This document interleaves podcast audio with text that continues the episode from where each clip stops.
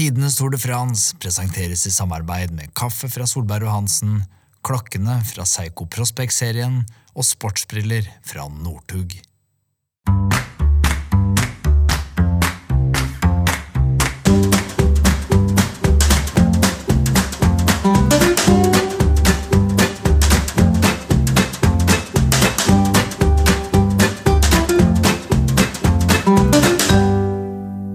Velkommen til tidenes Tour de France. Jeg er Hanso, og med meg har jeg min faste sammenlagtrytter, som jeg bærer vann for. Jarle Fredagsvik. Shalabais. Shalabais. Velkommen. Fader, vet du hva, Jarle? Vi herjer Podkast-Norge nå. Nå er det god stemning i pod-redaksjonen. Det er god S, altså. Det er, Take off. Det er veldig gøy at, at folk hører på. Da. Det syns vi er moro. Eh, det, vi ikke, vi, vi, dette gjør vi jo, vi må være så ærlige å si det. Vi gjør det utelukkende av egeninteresse, for vi syns det er moro. Det er moro å møte folk. Vi begynner å pumpe litt på de podkastlistene nå, fordi folk er flinke til å gå inn og vurdere oss og legge igjen en kommentar og en mailadresse og har lyst på en Psycho-klokk, og det er liksom god stemning. Vi kjøper folk. Det er det vi driver med. Vi kjøper folk, eh, og, Men det funker. Ja. Og det, det, det viktigste er at det funker. Det liker jeg. Eh, Men, men eh, vi skal videre på vår reise inn i Tour de Francens verden. Og i dag, altså, ja, så er det, er det en mann som, som, som jeg gleder meg til å møte. En litt sånn forsiktig fyr. Jeg kjenner han jo bare fra mediene, jeg, som vanlig. Du kjenner han jo litt bedre selv. Vi skal møte Edvald Boasson Hagen. Jeg er litt stolt, jeg. Altså, vi har en fullblods worldtour-proff eh, som har lyst til å møte oss og lage pod. han hadde dritlyst til å møte oss. Ja. Han var gira, han har sikkert hørt, han har hørt om podden. Han er gira på å vinne klokke. Det er det det er. Det er det, du. Vi må, vi, må, vi må ta med noe kaffe til han, og en klokke. Men jeg har gjort en avtale med han om at vi skal innom eh, Service Course i Oslo. Kjøl. Kjølberggata. Ja, er Veldig kult. sånn Sykkelbutikk, eh, selger en del tøy. Og, ja.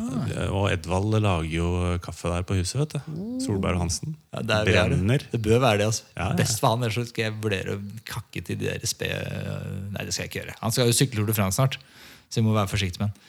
Pass på det, faktisk. Ikke vi nyser han direkte i fjeset når vi kommer. Derfor er jeg ikke litt nervøs for det. At vi sprer at hvis han blir syk, og så er det kom det pga. oss. Men det er jo bare god håndhygiene, så vi trenger ikke å ta så mye på han. Så går det vel greit. Yes, Jeg skal prøve å unngå å ta på han. Godt tips. han er veldig kjekk og solbrun, og han er sånn man har lyst til å kjenne litt på. Ikke som Dag Otto. Nei, ikke så langt unna. Dette kunne vært sønnen til Dag Otto, føler jeg. Jøsse navn. Vi skal jo møte Dag Otto snart òg. Fader, dette er moro. Det blir moro sommer. Det er bare å henge med. Eh, vi, vi skal snakke Tour de France 2011. Eh, det er bare å pakke I dag kjører vi ikke. Vi går vel bare opp til service course, gjør vi ikke det? Ja, Ellers så sykler vi. Vi sykler opp, selvfølgelig. Skal jeg dra, eller skal du dra? Jeg kan dra, jeg. Ja, du drar som alltid, du. Ok. Ja, hjertelig velkommen til oss i Tidenes Ole Frans, Edvald. Takk for det. Det er. Vi sitter nå i The Service Course, som er en, eh, en sykkelbutikk og sykkelkafé eh, i Oslo. Den nye, og du er jo da blant annet med deg, Redvald. Stemmer ikke det? Jo, jeg er jo med litt i dag. Ja. Hva, hva er liksom konseptet her? Når vi ser rundt her, så er det der eh, noe, Det mekkes jo, hvis dere kanskje plukker Jeg vet ikke om lyden plukker det opp, ja. så mekkes det på sykler. Det er dritkult. Dette er det, Ja. det beste sånn, eh, sånn eh, scenery ja, som vi har hatt podkast i tror jeg, så langt. Fint hos Kaggestad òg. Men dette er som enda mer sykkelaktuelt. Det var fint hos Gino. da Han hadde nettopp bygd ny platting og blomsterkasser. Dette er farlig. Jeg er på, is- jeg er på tynn is med en gang. Jeg starter der. han pussa opp i, eller holdt på i hagen i hele koronatiden. Ja, Ja, det kan vi skrive under på. Ja, veldig bra. Men, men hva er liksom konseptet her? Selger man eh, klær? Det er jo en eh, sykkelbutikk med klær og hjelmer og alt tilbehør. Og um, så får du en kaffe når du kommer innom. Ja, det- det må jeg si. ha det. Når vi, vi hadde så vidt kommet inn døra her før vi fikk da håndlaget uh, barista-kaffe americano av deg, Edvald. Det var veldig bra. Hva slags bønner er det dere bruker her? Eh, Akkurat nå så vet jeg ikke, men eh, Solberg og Hansen, selvfølgelig. Solberg og Hansen er jo en sponsor av, av podkasten vår. så De er med på laget. Og det er vår go to-kaffe, uten tvil. Jarle. Og vi har faktisk med, jeg har faktisk med en liten sånn til deg, Edvald. Du er jo en kaffekjenner. Så her har vi med Solberg Hansen oi, oi, oi. Black Espresso, eh, som er, eh, er eh, Og så har vi en, eh, en kaffe, mikrokaffe, Jesus av Cevedra. Den er dritgod. Jeg har testa selv. Ja, Det er kjempegod. bra. Høres bra ut. Hva slags forhold har du til Solberg Hansen? da? Eh, Jeg kjenner jo til merket bra, ja. Eh, Jeg har ikke drukket så veldig mye, men da blir det sånn spennende å prøve den. Ja. Hva, hva er de favorittbønnene? Eh, Etiopia er det jeg ofte bruker. Ja. Liker det. For det Du, du er kaffenerd. Tja, vet ikke. Jeg liker jo godt kaffe, men jeg drikker jo alt mulig av kaffe.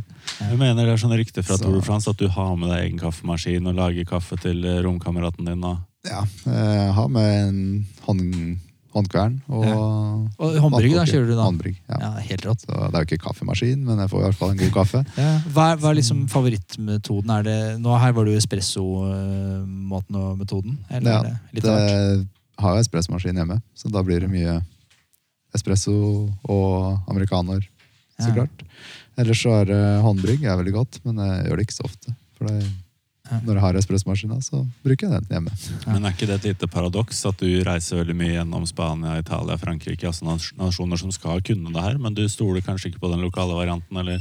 Eh, altså, jeg stoler på det, men det er ofte veldig mørkbrent kaffe. Ja, og da er jeg ikke så fan av den. Enig med deg. altså. Eh, Jeg er også mer glad i liksom, kaffebrent. ikke den... eh, Jeg har en far da, som er veldig glad i sånn superbrent kaffe. Så det har hatt en sånn konflikt i oppveksten. Så jeg har merket for livet, selvfølgelig, men jeg har kommet meg, kom meg ut av. Dette er, Men det, dette er et veldig kult sted da, på The Service eh, Course.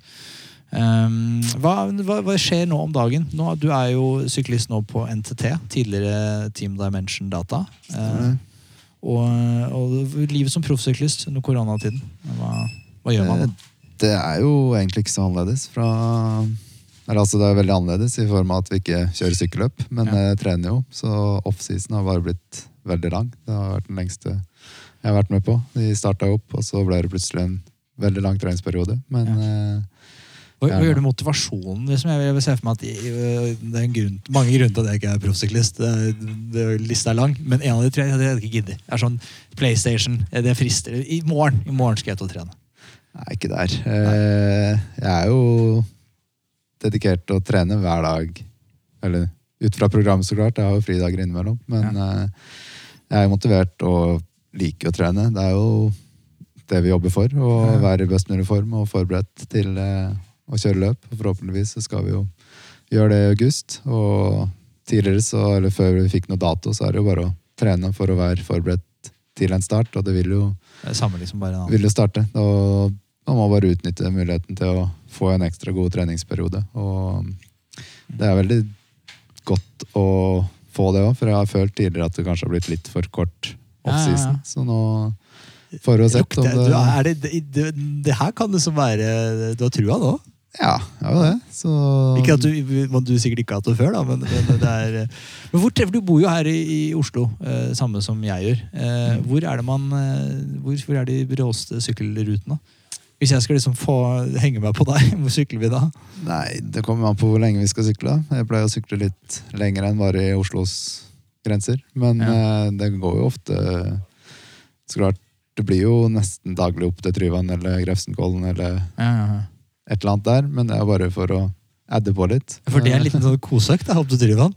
Ja, det er jo det. Så det har blitt noen turer opp og ned der. For meg er det, sånn, det er et år siden jeg kan grue meg til et år. Jeg. Hvis jeg sykler opp eller gjør noe sånt. Ja. Men det er som bare Da sykler du kanskje ikke nok. Nei, det, det, er, du er, helt- det er helt fullstendig rett. Jeg, det hender jeg løper litt, da. Så det er derfor jeg holder en sånn sped bygning. Ja. Men eh, jeg sykler for lite. Men, men, eh, men eh, bilister i Norge er jo notorisk hatefulle mot syklister. Eh, Leser man liksom på forsiden av VG. da. Det er ikke, men, Ja. men er det, stemmer det?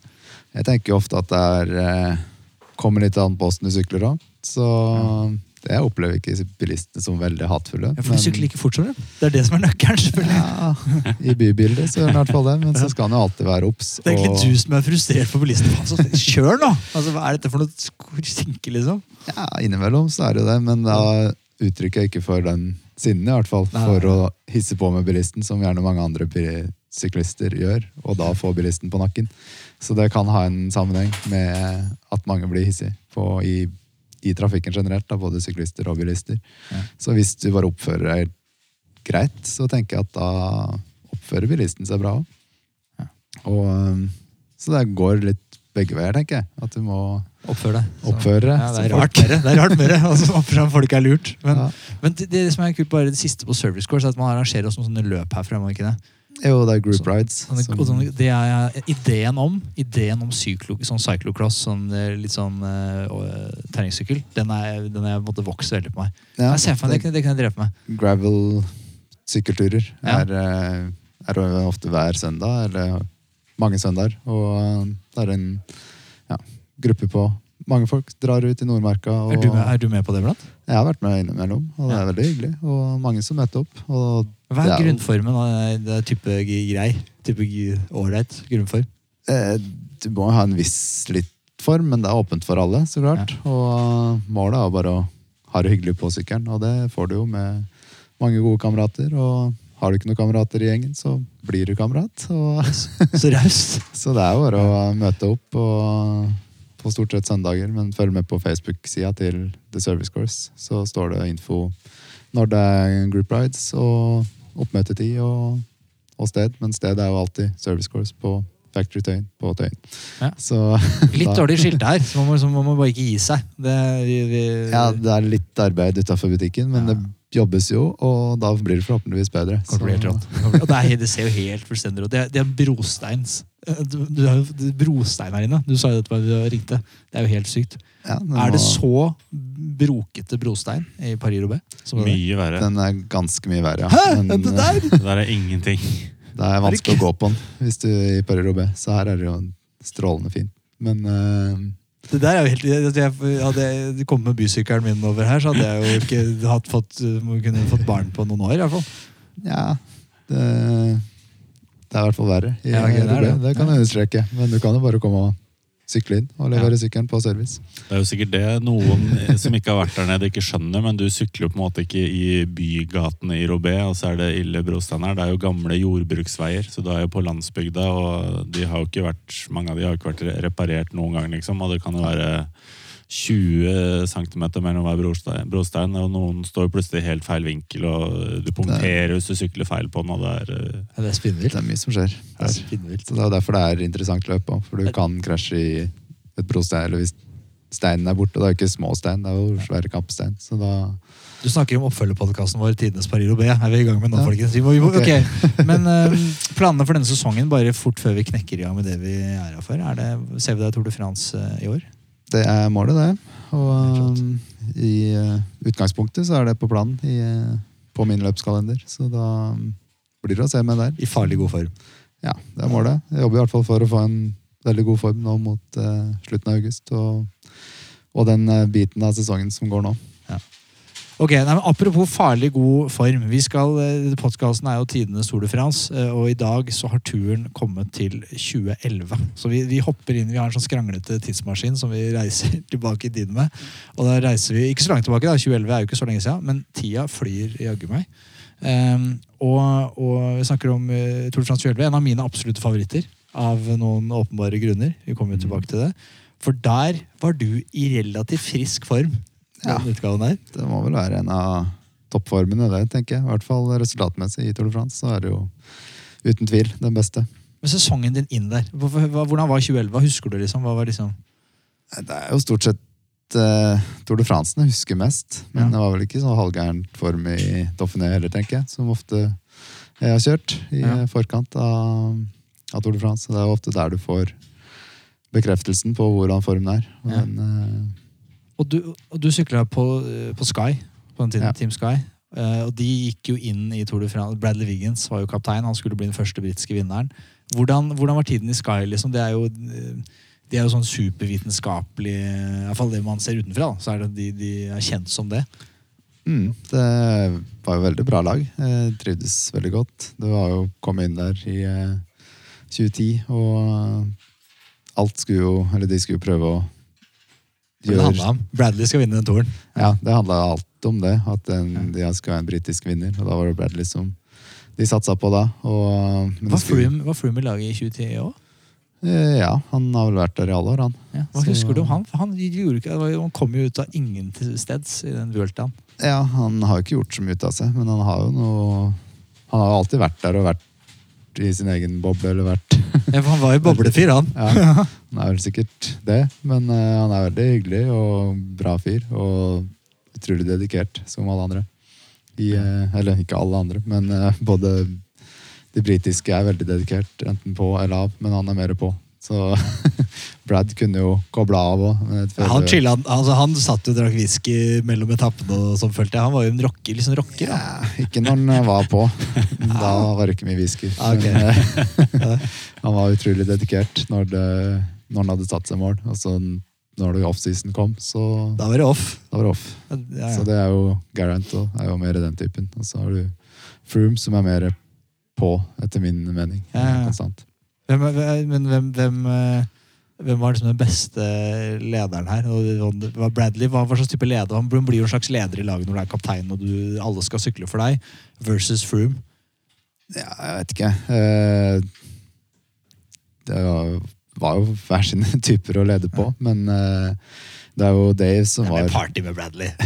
Ja, det er mer ting som skjer der, i hvert fall. Men det er jo Dave eh, Brailsford som er sjefen, og for så vidt leder laget. Og så er de eh, kapteinene mer i stille i bakgrunnen og gjør jobben som de skal. Ja.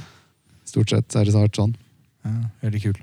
Ok, vi, vi pleier alltid å starte podkasten med å se på samlerfavorittene inn i dette året. Inn i 2011. Eh, Jarle, har du, har du en liste? Jeg har et lite innspill på Edvald først, siden vi snakket okay. om inngangen hans til Tour de France. Hvis Ja. jeg ble litt stille nå, så var det fordi jeg måtte sjekke noen lister. Ja, vi så det, Du eh, sjekka noe innmari, så jeg antok at nå kommer noe. Men uh, Skelderprice tok du noe ribbein. Så du hadde dårlig inngang ut fra klassikerne, men så var du tilbake igjen i Ja. Bayern Rundfart, og du var også i Dauphiné, som du nevnte. Og ja, tok en, eh, en andreplass bak Degenkolb, mener jeg, eh, Mm. på en eh, spurtetappe. Men det, ja, det var vel ikke året der du klatra så hinsides bra, det var vel året etter. Ja, ja året etter, tror jeg. Ja, for da satt jo med Vinokorov og, og gutta på noen fjelletapper der. Ja. Men jeg har ofte kommet bra ut av en skade, men jeg håper ikke å bli skada uansett. Da. Men eh, det viser jo at du kan trene deg i form ved å Hvor lang tid tar det å he he- hele et lege et eh, ribbein? Eh, For det, sånn, hvis, du tar, hvis du brister eller ribbein Kjellerpreis er i mars? Er det er det det er? Ja, mars-april. mars, mars april. Og så er du klar igjen for fullt i juni, Dauphiné? Ja, det tar jo ikke så lang tid. Du må bare komme deg på sykkelen igjen. Men eh, så skal du ikke sykle så mye ute, for det er ikke bra å krasje på nytt etter, en, eh, etter et brudd, så klart. Men eh, du kan jo sitte på rulla og, så lenge du Selv klarer med å bris, liksom? Ja, det er jo bare smerteterskelen din du må flytte litt på. Men det som er skummelt, er hvis du tryner på nytt med et knekt ribbein, så kan det gå utover lungene, og Ja. det skal du ikke gjøre. Så du må så klart passe på det først, og så må du høre med legen din. Men tre uker eller noe, så er du i hvert fall ute på sykkelen, tenker jeg. Men du sier jo Alle leger sier vel seks uker at du skal vente. Men Ja. eh, Hva, hva vet de? jeg tror ikke det er de bare mange syklister som venter. Men jeg må litt tilbake på Edvald. Jeg vet du Ja, ja, ja. sa favoritter. Men eh, det som jeg snakka om i, Dauphiné, det var faktisk det året. Det var en eh, åpningsetappe mellom Albertville og Saint-Pierre de Charterouse. Eh, Jørgen van den Broch vinner foran eh, Joaquim Rodriguez og Kell Evans. Ganske tunge navn. Eh, Du sitter med deg nesten hele veien opp. Siste fjell er andre kategori, 7,4 km, 4,8 Eh, og, og de andre som sitter rundt deg, da. Vinokorov. Du kommer inn samme gruppa til Evans, Vinokorov, Roach og Edvald. Det er fire stykker, sju sekunder bak uh, van den Broch. Så du var jo veldig bra klatreform. kunne jo klatre Ja. på den etappa, i hvert fall. Yes. Men hvis vi da tar litt uh, favorittene, da, så um, kommer ikke utenom uh, Contador. Han vant jo da året i forveien, eh, 2010, en tittel som han senere mista. Ja. Glenn Butterol-saken, eh, vi er vel ikke enige om det var matforurensning, eller om det var noe han hadde brukt for å skjule annet dopingbruk, eller hva som skjedde, men eh, veldig lang behandlingstid på den saken der. Først i februar eh, 2012 eh, blir han dømt, Ja. eh, og da er han ute fram til august samme år, så han mister Tour, de France i 2012. Han mister eh, 2010-tittelen sin, så den går til Andy Sleck i stedet. De hadde jo ganske eh, bra fight om den. Eh, Så er han tilbake igjen i, i 2012 og vinner da Vuelta i Spania. Ja. Men han her, da, så er jo han eh, blant de store forhåndsfavorittene, som også Andy Sleck er. Han har jo snakka om tidligere at han sto på podiet i Giroen alltid i 2007, og så ble han slått av Contador i, i 29 og 2010, og så har han jo selvfølgelig med seg broderen sin, Frenk. Frenk, ja, Frank eller Frenk? Det er vanskelig. Det er, det er tødler over der, så Ja, ja. Frenk, egentlig. Men, men Eh, Contador også vant jo giroen det året. Han, han, han hadde jo uttalt at han skulle vinne. Hadde ikke Bjarne Riis vært ute og sagt at han skal vinne alle Grand Tour d'Or? Han var jo den store Grand Tour-rytteren etter post Armstrong. Han skulle prøve å ta en Pantani. Han skulle kopiere riktig. Pantani fra 98, tror jeg det var, hvor han vant Giron og Tour de France. Ja. Pantani var jo dopa til gjeldende. Han var jo, det var mye, rant jo dop av øret hans. Det er jo, han skulle prøve å gjøre det med kanskje dopfri, eller mindre dop, i hvert fall. Pantani. Pantani. Og så har vi selvfølgelig Kedal Evans. øh, og han hadde jo vært Han sto på podiet i 2007-2008, og nå skulle han virkelig ta Tour de France-tronen. Andre sesong i, i BMC, og hadde mye bra klatrere rundt seg. Eh, Lag, lag som kun var pimpa rundt han. da. Nå, nå skulle han vinne. For irriterende rytter, Evans. Altså, han, han, det ser ut som han fra før han har klikka seg ned pedalene, så ser det ut som han sliter. Han gnisser jo tennene fra han går til start. Og i fjellene så, altså, han ser ut som han er, altså, det sitter jo, Du sitter jo mye lettere i starten av fjellet. Even sitter jo og vrir seg og knøker seg. Men han bare sitter på, da! Faller jo aldri av. Nei, han er jo seig, da. Han er seig, ass! Det er vilje, det er bare, han vil opp den bakken. Hva har du trent noe Nei, ikke trent så mye, men jeg, skal bare, jeg, skal, jeg vil mest. Så vinner han kanskje 2011-toren. Han trener, trener vel litt da når han er med i Tour de. France-sammendraget. Men altså, det, er- jeg, jeg liker sånn Contador, eller når du stikker, så er det, liksom, det er lett, og det er, liksom, det er noe sånn viss sånn eh, Det er noe sexøvere. Men når Even sykler, så er det bare sånn Au! Det er forferdelig å se på. Slutt! Film noe Han andre. har slutta nå. Ja, ja, ja heldigvis. Det er bra. Nei, men han, han var, jo, var jo dritbra. Var dritbra. Og på den tiden her var han jo, var jo, var jo gode resultater. Og så skal vi selvfølgelig nevne din kaptein, eh, Bradley Wiggins. Han var jo egentlig ikke noen sånn eh, GC-rider. Han, eh, han ble nummer tre, mener jeg, for Garmin i 2009. Eller var det nummer fire? Men det var liksom da viste at Armstrong. Ja, da visste han at han kan jo faktisk henge med sammendraget her. Det var da Sky fikk tro på liksom, vi trenger en Grand Tour-fyr. Vi tar Wiggins. Og de Mm. kjøpte han jo fri, som er ganske uvanlig i sykkelsporten. De skulle ha han inn på laget sitt. De skulle ha to mann. Edvald Baasen Hagen og Bradley Wiggins. De sto på toppen av, eh, av lista. Ja. Skulle de lage et superlag rundt de to. Og 2011 var en bra, bra sesong for, eh, for Wiggins. Han uh, vant vel uh, Dauphiné og sto på, sto på podiet i Paris-Nice. Hva var stemninga der i laget? Trodde man, eh, trodde man at i år Bradley kan ta dette? Liksom Bradley tar det? Ja, han var jo i veldig lovende form, så klart, når han vinner Dauphiné. Og det er jo ofte de som gjør det bra der, er ofte bra i Tour de France. Det er jo oppkjøringa. Så jeg hadde absolutt trua på han. Men det var jo, vi kom jo til løypa etter hvert. forrige gang. Det var jo ikke så, Han er jo en tempohest eh, av dimensjoner, Bradley Wiggins. Eh, og her var det jo ganske sånn klatretøft Tour de France. Mm. Og, Så, han- han Han var jo lett, bra. og han klatrer jo bra, så han hang jo bra med i, eh, Mm. i fjella, stort sett. Siste favorittene som jeg bare har notert, Ivan Basso. Eh, Ja. En av de kjedeligste rytterne eh, som var på den tiden. Det bare var alltid jevn oppe der. Hadde følelsene godt innafor drakta. Han var jo god. Mm. Eh, Samuel Sanchez var jo liksom, Dette var en tid hvor han liksom var frampå. Og så noterte han der gamle snegla Robert Gerschenk. Han også var jo liksom det nye. Han var jo ung og skulle liksom uh, få til noe. Altså, jeg ser litt bort fra han. Altså, jeg klarer ikke å se på han som eh, Grand Tour-favoritt. Men eh, jeg, jeg noterte Jürgen van den Broch. Ja. også litt sånn uh, klønete gamp av en rytter. Men uh, også, på på sitt beste så hang han jo med. Og så Sveits Rundt året. Vet du som husker hvem som vant Sveits Rundt i 2011? Nei, det blir jo dumt å spørre meg. Jeg husker jo ingenting av resultater. Nei, men det, var, det, var, det var Levi Leipheimer. Ah, Han også det var jo sånn hva, hva, hva husker du om Levi Leipheimer? Jeg tror ikke vi kommer til å snakke om han igjen. Bare, hva? Eh, At han hadde noe spesiell eh, sykkelstil, er jo eh, Ja. ene beinet ut, var det ikke han? Jo, Nei, han, han Nei det var ikke Husker jeg feil nå? Jeg tror Leipheimer hadde noe Han hadde en litt særegen stil, ja. Det var et eller annet med ene foten. Ene foten står litt ut, tror jeg. Ja. Jeg tror det var sånn vridd sånn inn altså, Ja. ja. Jeg mener jeg husker det, ellers så husker jeg ikke så mye. Nei, det er det du husker. Sykla mest bak. Ja. ja, ja, men han, okay, ikke- han var ikke en som snakka mye i feltet og sånn, han. Nei, ikke med meg i hvert fall. Nei.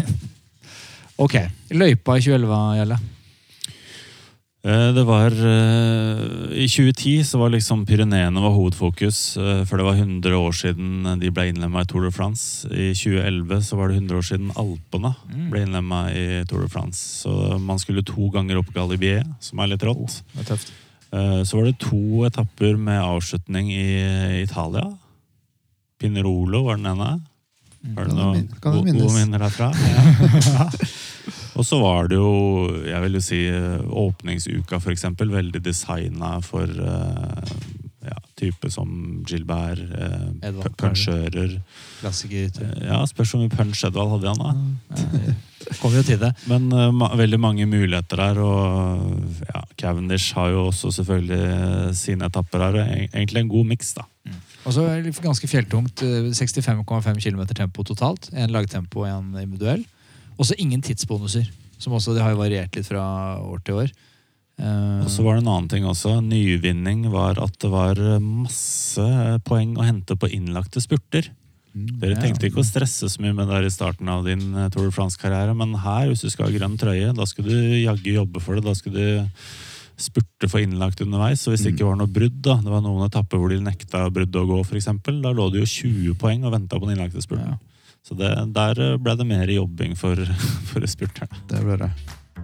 Ny uke, nye muligheter.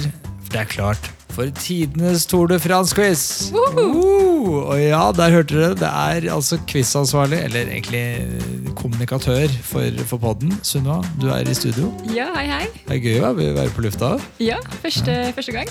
Ja, men det, Nå er det quiz-tid. Sist gang folk svarte jo bra. De var på. Det var stort sett riktige svar. Eh, Kåra en vinner. Jeg husker ikke farta hun som vant. Det ser dere på, på sosiale medier.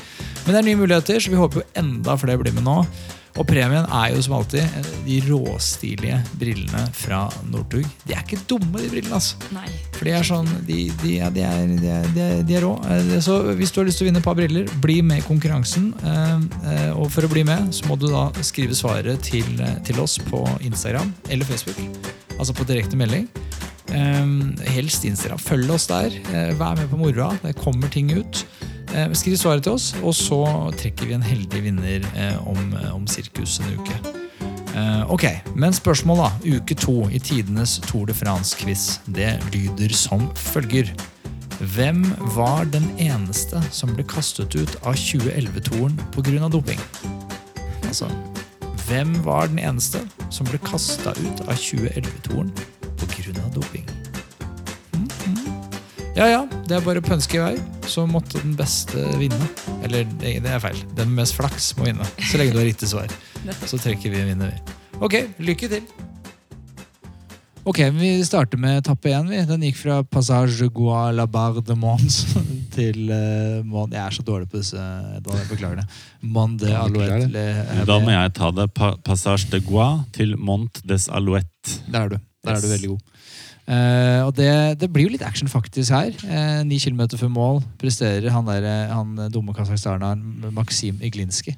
Husker han. Ja. Han krasjer med en tilskuer eh, og drar med seg Contadero og Samuel Sanchez. Eller de blir stoppa av det, i hvert fall. Så de må jage etter feltet. For så da blir det for det går en ny krasj tre kilometer før mål. Eh, og i front der så angriper kanskje Lara. Dette er jo dette er en liten sånn bakkeknekke på slutten, hvis du husker den. Mm. Eh, med kontra Gilbert. Eh, han var vel storfavoritt for den etappen. som du Ja. nevnte i sted. Ja. Og så har jeg notert deg, hvor var du her? Vet du, jeg tenkte at Det var en etappe som på papiret kanskje skulle passe deg. Hadde Ja. du sett ut den etappen, eller var det liksom Jeg husker ikke helt da, hvor jeg var hen da. Jeg var vel i feltet der, da. Men eh, det var vel ikke mer det skulle satses på heller i, eh, i starten der. Men uh, jeg veit ikke hvor jeg var. Evans er jo da med av samla favorittene. For han er, Evans var ganske god på, hadde jo ganske god avslutning, egentlig. Mm. Um, og så eh, ender det jo da med at Philippe Gilbert eh, tar det. Jeg må vinkle litt her, for Edvald er jo i høyeste grad med. Han, han sitter og prøver å ta hjulet til eh, Gilbert. Mm. Eh, Du har hushovd på hjulet ditt, for hushovd skjønner at eh, Edvald kan jo være en å følge med på her. Ja, ja. Men du sitter litt sånn sørgelig aleine. På resultatlistene så dukker Jeron Thomas opp eh, på sjetteplass. sånn, tror jeg. Han hadde litt sånn lignende rolle som deg på noen etapper. Mm. Men han sitter ikke og hjelper deg. Altså Gilbert han hjelper foran seg. Thor sitter her med lagkamerat. Du sitter Mm. helt aleine, så du blir liksom sitt, altså du vet jo hvordan du er. Du blir sittende og småspurte hele veien for å tette små luker. Ja. Mm. Og når du da i en tøff bakke kommer liksom til 250 meter igjen, og de andre som er mer futt igjen, de klinker til, da er du Ja. ferdig. Så du ender på 25.-plass. Akkurat. Det er ikke noe å si. Men du er absolutt på sporet. Men det Ja. er bare det, du er litt uh, isolert. Ja, men jeg har vel I hovedplanen var vi jo ikke Nei, Det var jo redde Bradley, egentlig. Det var jo Bradley som var planen i hovedsak, og så hadde vi mulighet til å gå for enkeltetapper, men ingen hjelp. Og da Ja, ble sånn. vi litt alene, da. Philip Gilbert vinner tre sekunder foran Ked Levens. Og så er det Thor Hushovd som får tredjeplassen, seks sekunder bak Gilbert, og da tre sekunder bak Ked Levens. Og så er resten på samme tid. Jeg snakka med Thor om det her året i forveien, og alt da, så når han fikk høre om denne etappen her, så begynte han å tenke gul trøye. Ja. Altså På første etappe da, da var målet å slå Gilbert, men selvfølgelig det er jo han det ligger aller best til. Ja. Så- Og det året Gilbert hadde jo vunnet det som var av arenaklassiker. Ja. Så han var jo i slag. Eh, og vi kommer til det med, med Tor i gul trøye, for andre etappe her er en eh, lagtempo. Eh, kort. Eh, 23 km. Eh, det går jo dritraskt. Og da blir det veldig jevnt. Og der vinner eh, Garmin, laget til Tor Hushovd på den tiden, eh, med fire sekunder på Sky. Mm. Husker du tempoen der? Kjørte vel alt dere med remmer og tøy kunne holde for gjør stort sett det i eh, alle tempoer går jo så remmer og tøy kan holde. Ja. Men hvor, eh, hvor raskt jeg fascinert av det lagtempoet? Det, det, det går så voldsomt unna. det gjør jo det. Det går jo så fort man kan, så klart. Det er jo det man skal i tempo. Men uh... Så med føringer og sånn, for du er jo veldig god på tempo. Jeg antar liksom du, du må jobbe, der må du, Det er ikke noe hvileetappe for deg. Du skal, der må du slite mye. det skal jo det. Og med Bradley som er sinnssykt bra, og Grant Thomas, og det var et bra tempolag. Og, Steinbra. så du er jo helt gåen når du kommer i mål, men eh, det er jo alle, og det må du jo hvis du skal kjøre lagtempo. Så det er jo bare å komme seg i front, og målet er jo å ikke sakke ned farten. Så helst før du merker at du bremser fart, så skal du jo gå av. Så det gjelder å ikke ta for lang føringer. Er det, er det gøy? Altså Er lagtempo sånn kul øvelse? Eller er det sånn det gruer man seg litt til?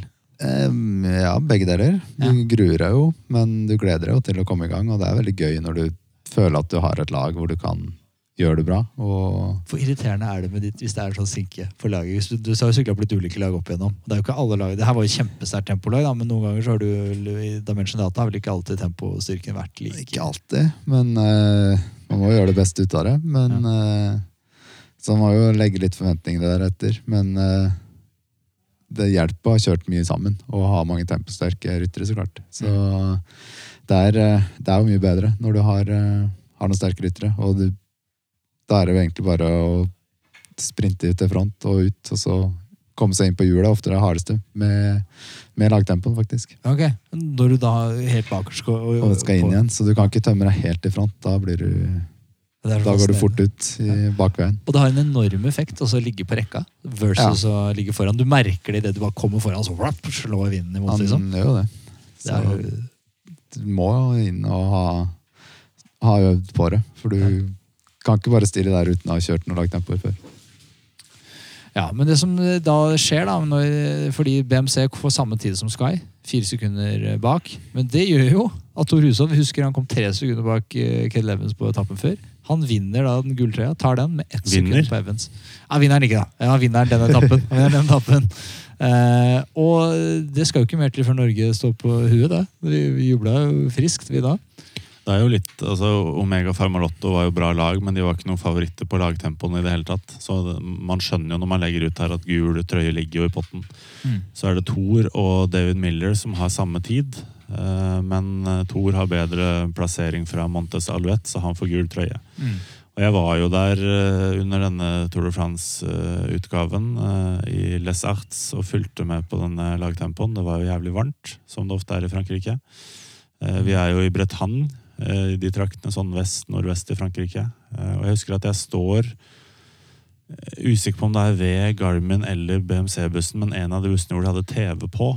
Og mm, Garmin kjørte veldig tidlig, så de satt en beste tid som alle andre kjempa mot. Og lag etter lag kommer for seint inn. Sky er for seint ute. Bare sånn wow, hva er det som skjer her, liksom? Husker jeg ble jævlig solbrent på nakken. For jeg står jo der i tre timer, ikke sant. Og jeg tror jeg har smurt meg litt i panna, men nakken gikk det dårlig med. Så det blei for, forbrenning av nakkeflesket på dag, dag to av Tour de France. Det var litt, litt dårlig lagt opp. Og så Det er husker jeg sikkert mye sympati av rytterne som hadde falt og sånn da. Nei, de, de bryr seg ikke om, det det. Og så husker jeg det der, på en måte jub, jubelen slippes løs da, idet BMC kommer inn på samme tid som Sky. Eh, klarer ikke å slå Garmin, og Hushovd skjønner da at han har gul trøye. Ja. Og det var stort, selvfølgelig. Altså, det Ja, var det. første gang siden 2006 eh, nordmann i gul trøye, og da var det også Thor. Det er jo bare han som har hatt den. Eh, enn så lenge. Men kanskje i år. Kanskje, Kanskje. noen, kanskje noen ypper seg. Kanskje noen. Ok, etappe tre.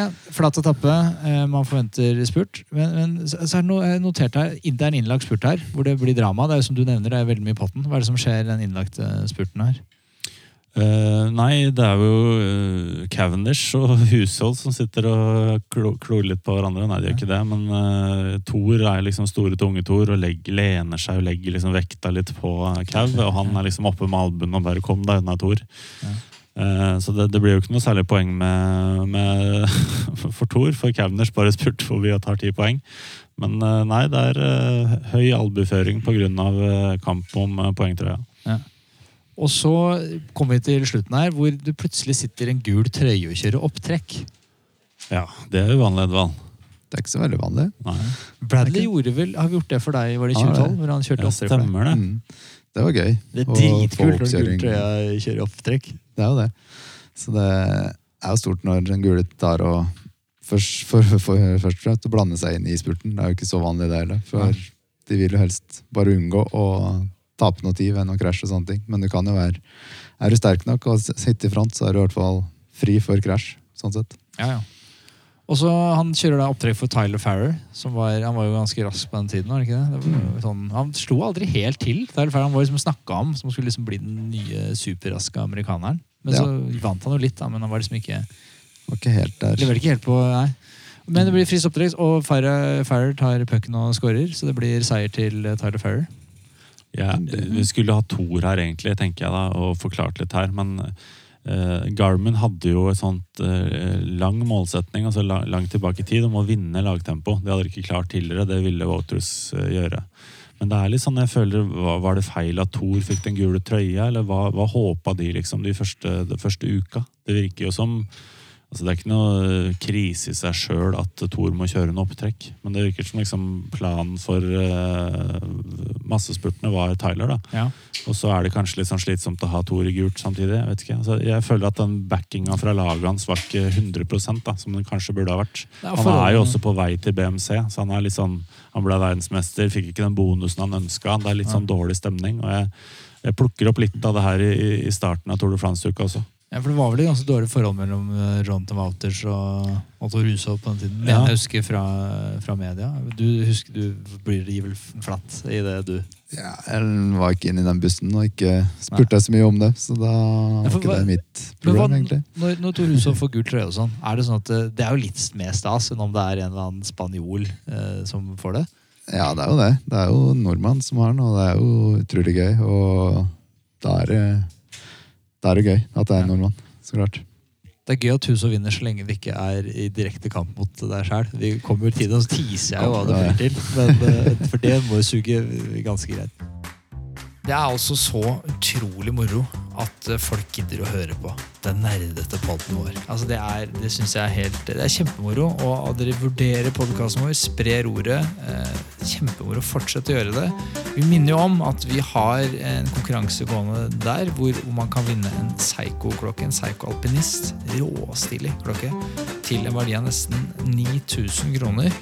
Eh, dersom man vurderer podkasten vår. Eh, gjør det i podkast-appen så blir vi Det er helt rått. Men uansett, da, tusen takk til alle dere som lytter på. Det setter vi helt enorm pris på.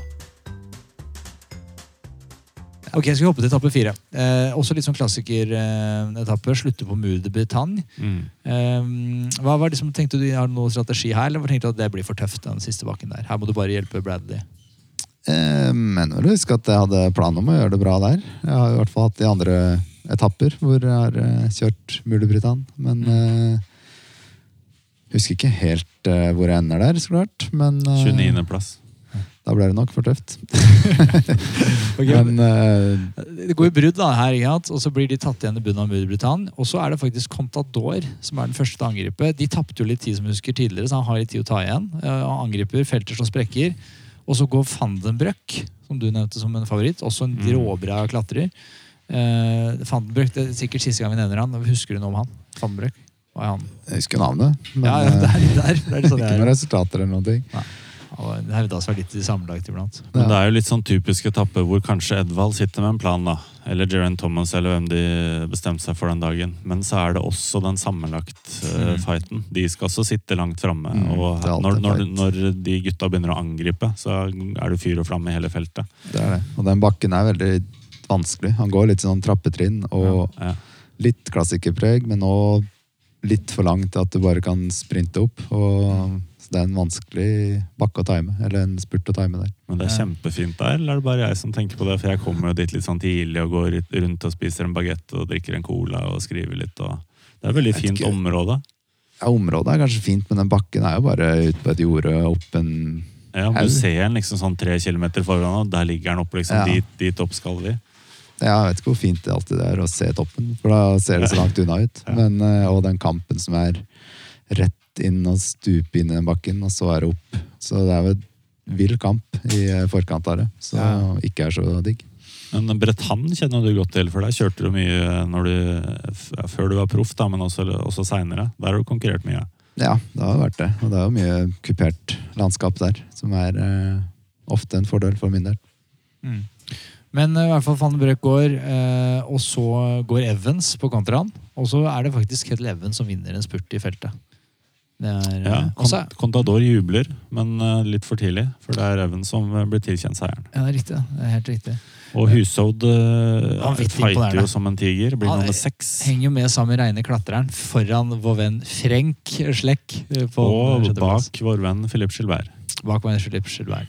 Men Tor Hushovd forsvarer trøya. Eh, etappe fem eh, går fra Du får si det, Jarle.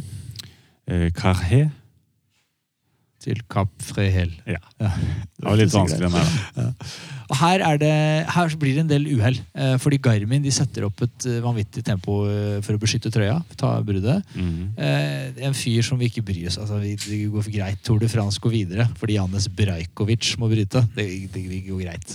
Det, er ingen som gråter. Det er eh, en Radioshack-rytter. De hadde jo forferdelig start på, på Tour de France, og det her fortsetter jo på en måte. Men ja. altså, Han er ikke noe smågutt, han, men kanskje i, i vår sammenheng så er han ikke så viktig. Nei, han er, absolutt ikke smågutt. Han har vunnet Dauphiné og han har vel gjort litt sånt, men, men, men altså, vi, vi ingen som gråt. Eh, I hvert fall ikke Norge. Contador går i bakken. Tom, Eh, Tom Bowden. Bond går i bakken. Og så er det da Føkler, som også var i slag, altså. Den Tour de France her. Han, han gikk jo av alle brudd. Føkler, faen, for en, han syns jeg er kul. Føkler og Roa går i brudd mot slutten. Mm. Og, og, og rett før de blir kjørt igjen for mål, så kommer det et ganske friskt angrep ut av det blå. Jeg vet ikke om du husker dette på etappe fem. Men jeg så, Nei, jeg så det på. YouTube, så det på YouTube i går. Og da tenkte jeg dette var sikkert etappen du vant. Fordi ut av ingenting, så fort det bruddet er tatt inn, så setter du i gang et angrep som det lukter altså så svidd av at alle tar alle spurtlagene helt på senga. Dette er sånn en kilometer kanskje før mål. 800 meter, altså litt før. Men det, er, det går fort i feltet, altså. Men du bare klinker til. Eh, og så tenker jeg, nå vinner du. Ligger, de har ganske god avstand, men så stivner du litt på slutten. Mulig. Og så ender det opp i en massespurt, som da selvfølgelig han lille kula lemmene Mark Cavendish eh, vant. Han vant jo alt sånn på den tida. Hvor rask var Mark Cavendish, egentlig? Han eh, var i hvert fall eh, sinnssykt rask. Og, sånn man skjønner ikke bare han, Hva driver han med, liksom? ja, omtrent det. det han er jo som en kanonkule. Så han kommer fort når han får fart på pedalet, han. Så um, det blir spennende å se nå, for så vidt. Om han har funnet tilbake til formen og, og farten. Du er veldig snill med gjesten vår her, Hans. Han har jo glemt det, selvfølgelig, eh, klokelig nok. Men eh, på denne etappen så tar du feil av skiltinga. Så når du åpner opp med sånn 600-700 meter igjen, så har du sikkert lest 300 meter, og så bare pow. Det kan hende. Det går, altså, så- det går så unna at jeg tror folk Oi! Altså, for, for du hadde jo en veldig bra spurt på den tiden. Ja. Eh, og den spurten den, den tror jeg røyk på 700 meter, ikke på de siste 100. Akkurat. 200.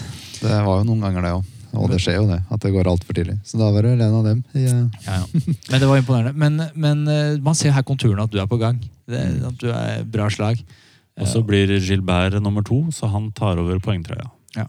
For han er jo så spurter, han på den tida. Han gjør jo alt. Han er overalt. Ja, dritgod. Umulig å bli kvitt.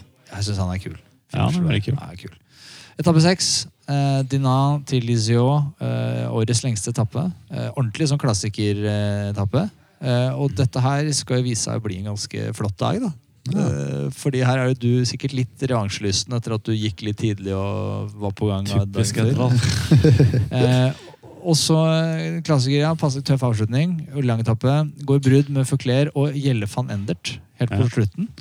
Og Eh, de er jo litt sånn klassiker eh, van Endert, Ardenne. Altså, det er jo, det er jo småkupert her. eh, Litt sånn slitetappe. Og, og lang, som du sier. og sterke. De er jo sterke. De kan jo Ja. holde unna fra et helt felt, de. Eh, men så ender det i en massespurt. Eh, men ingen av de raskeste sprinterne er igjen. Nei, for det var en ganske tøff avslutning. Jeg husker en, det var en bakke opp mot uh, slutten, og så flater det ut på, mot mål. Riktig. Men, uh, da var det jo ikke alle spurtere som var igjen. Har ikke med. Så har du sånne de der halve, de spurterne som altså Matthew Goss, Tor Hushovd og, og du selvfølgelig. eh, mm. Uh, Royas. Uh, det er de som Philip Schubert. Det er de som er igjen. Uh, og så blir det spurt hvor du er råst av alle. Jeg Eh, får et veldig bra opptrekk av Garen Thomas, og Mm. jeg husker faktisk husker den? den her. Ja, det er gøy. det var gøy når jeg var der, og, ja. og klarte å ta den. Det var jo overraskende at jeg skulle klinke til å ta en spurt på den måten. Så, Ja, ja. ja, for det var liksom du, du ja. Nei, men det, var, det husker jeg da. Og vi, det, Norge allerede da. altså Vi var fornøyde. Du hadde Hushovde gul trøye som slåss sammen med deg. Det, nordmennene bare dominerer Tour de France. Ja. Og vi kunne, vi, Tour de France kunne slutta etter etappe seks, så hadde Norge vært ja, vi er happy. Dette er rått. Nei, Men lite visste vi, altså. Det skulle bli så vanvittig mye råere. Etappe syv. Du er ferdig allerede der, ja? Ja, Du har mer info, du, Jarle? Ja, en fun fact. Ja. Eh, Første seieren, eh, etappeseieren til Team Sky i Tour de France. Det var det. Det er noe å ta med seg.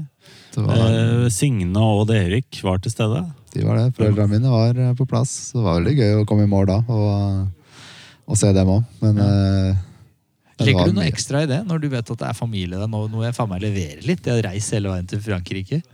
Jeg vet ikke om det er mye ekstra. Jeg gir jo alt, alltid. Men eh, det er jo veldig gøy når du får suksess, og det er folk som har kommet for å høy, høyere fram. Og da er det jo ekstra gøy, da.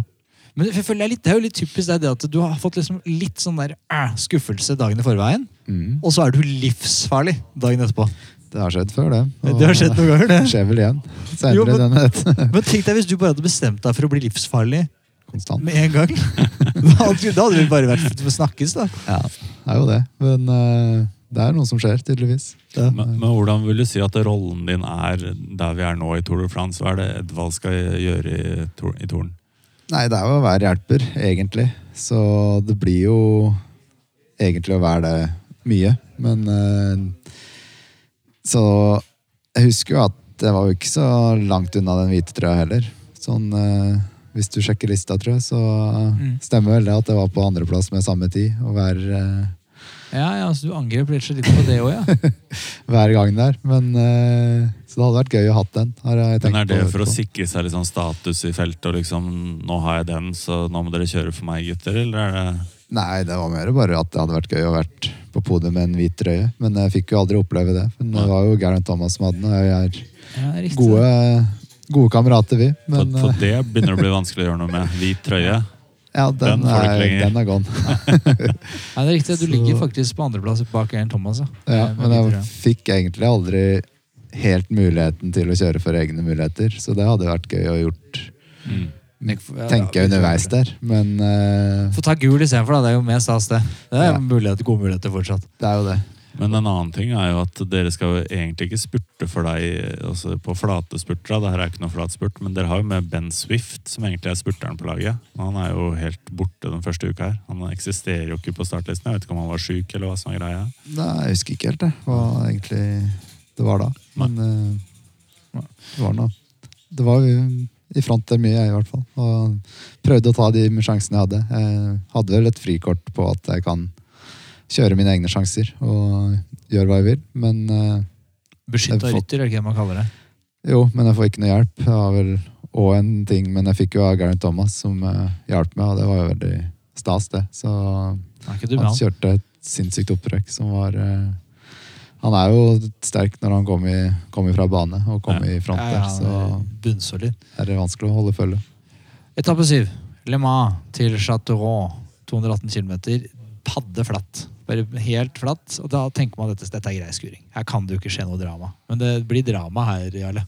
Her blir det veldig drama, for det går en diger velt når det gjenstår uh, omtrent fire mil av etappen. Og ned i asfalten med kragebeinet først. Bradley Wiggins. Og han var jo vanvittig skjør. Altså Bradley Wiggins i Tour de France-form. Han er jo ganske lang. Han er veldig høy, og det var ikke så mye fett som tok feit, imot det noe det det?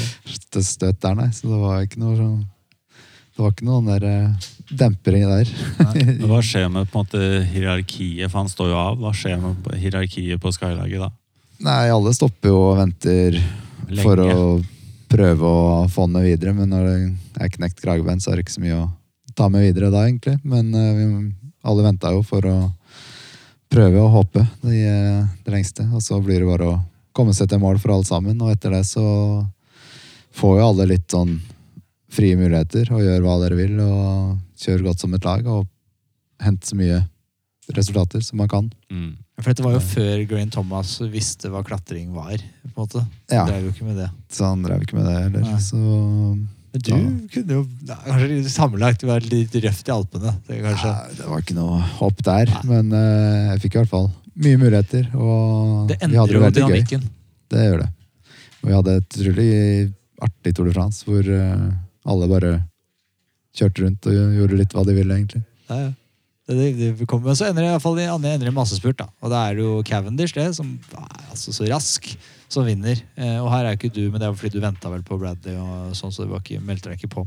Nei. Jeg har en annen spin-off-historie. Nevnte jo Radio Shack eh, i stad. Mm. Eh, og to gutter derfra, uh, Leipheimer velter Mm. og punkterer, eh, som gjør at han taper tre minutter til slutt. Og Chris Horner kjører ut i grøfta. Sorder.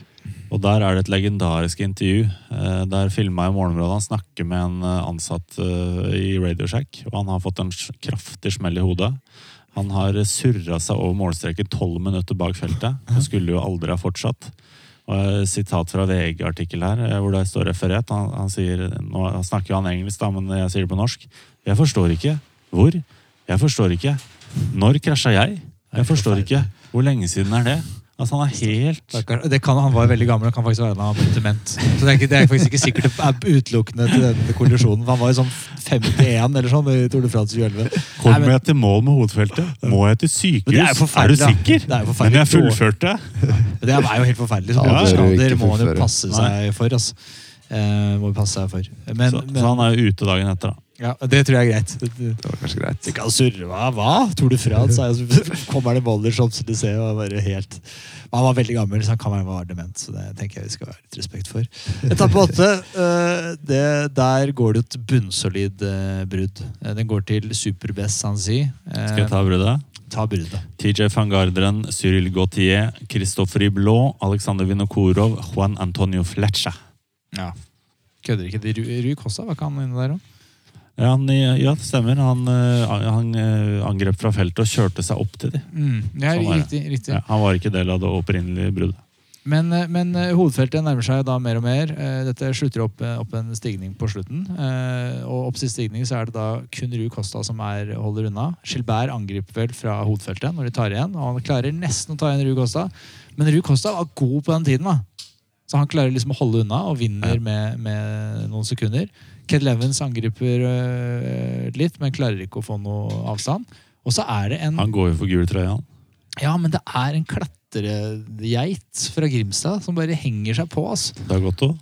Eh, Nei, jeg snakker om Tor Hushovd. Snakker om Tor Som klarer å kommer inn sammen med Ivan Basso, Kløden og Fandenbrøk og Frenk og Andy og hele gjengen. Klatrer dritbra. Så han beskytter, ja, forsvarer trøya si. Så Tor Hushovd er fortsatt i gul. Og det var ikke, det var ikke så mange som trodde. At det skulle gå, for det ikke opp super-BS. Den er 1,6 km og 7,3 i snitt. Den siste bakken. Ja. Men da, da kommer han opp der, og så stopper han jo på en måte rundt det norske pressekorpset. Og han henger bare over styret og puster og preser, og han er helt ferdig. Da er du på det plagsomste, du. Står over. nei, nei, nei, og hva føler du? Da gir vi en space. Ja, okay. uh, og så ser han opp sånn halvveis, han skjønner ikke hvem vi er, og så sier han bare 'beholdt jeg trøya'?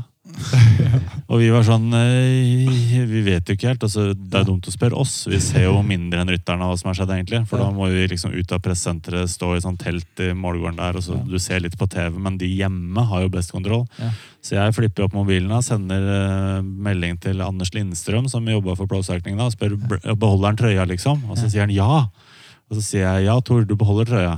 Så det var deg? Yes. Ja, ja, ja. Men, eh, men han er litt sånn Hæ, gjorde jeg det? Og, altså, han er helt ferdig. Men Han er det, det, er litt, det er litt det som jeg sa til deg i stad, når du liksom må sitte og spurte for å tette luker. Du er liksom aleine. Han, han spurte jo han inn i den gruppa for å ikke eh, få splitt. Og for å holde beholde trøya. Han er jo helt på stålet. Fantastisk innsats. Ja, vanvittig imponerende.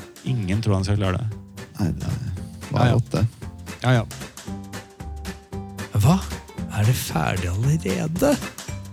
Ja, vet du hva? Vi, vi har så lange episoder at vi, kan, vi sliter jo ut øra på folk. Så vi har bestemt oss for å legge ned en liten cliffhanger. En sånn to be continued. En sånn se hva som skjer-greie. Eh, og den, den eh, kommer her og nå. Så for å høre hvordan det gikk i 2011 Tour de France, så må du vente helt til tirsdag. Eh, Det må Du faktisk Du kan jo gå på Wikipedia, selvfølgelig. Bare se resultatene. Men det er kjedelig, da! Du kan faktisk ikke gjøre det. Du må jo følge med på Tidenes Tour de France. Vi er tilbake vi med episode to med Edvald Boasson Hagen. Nå førstkommende tirsdag. Nå tordner de til og med! Ja, ja. Heng med.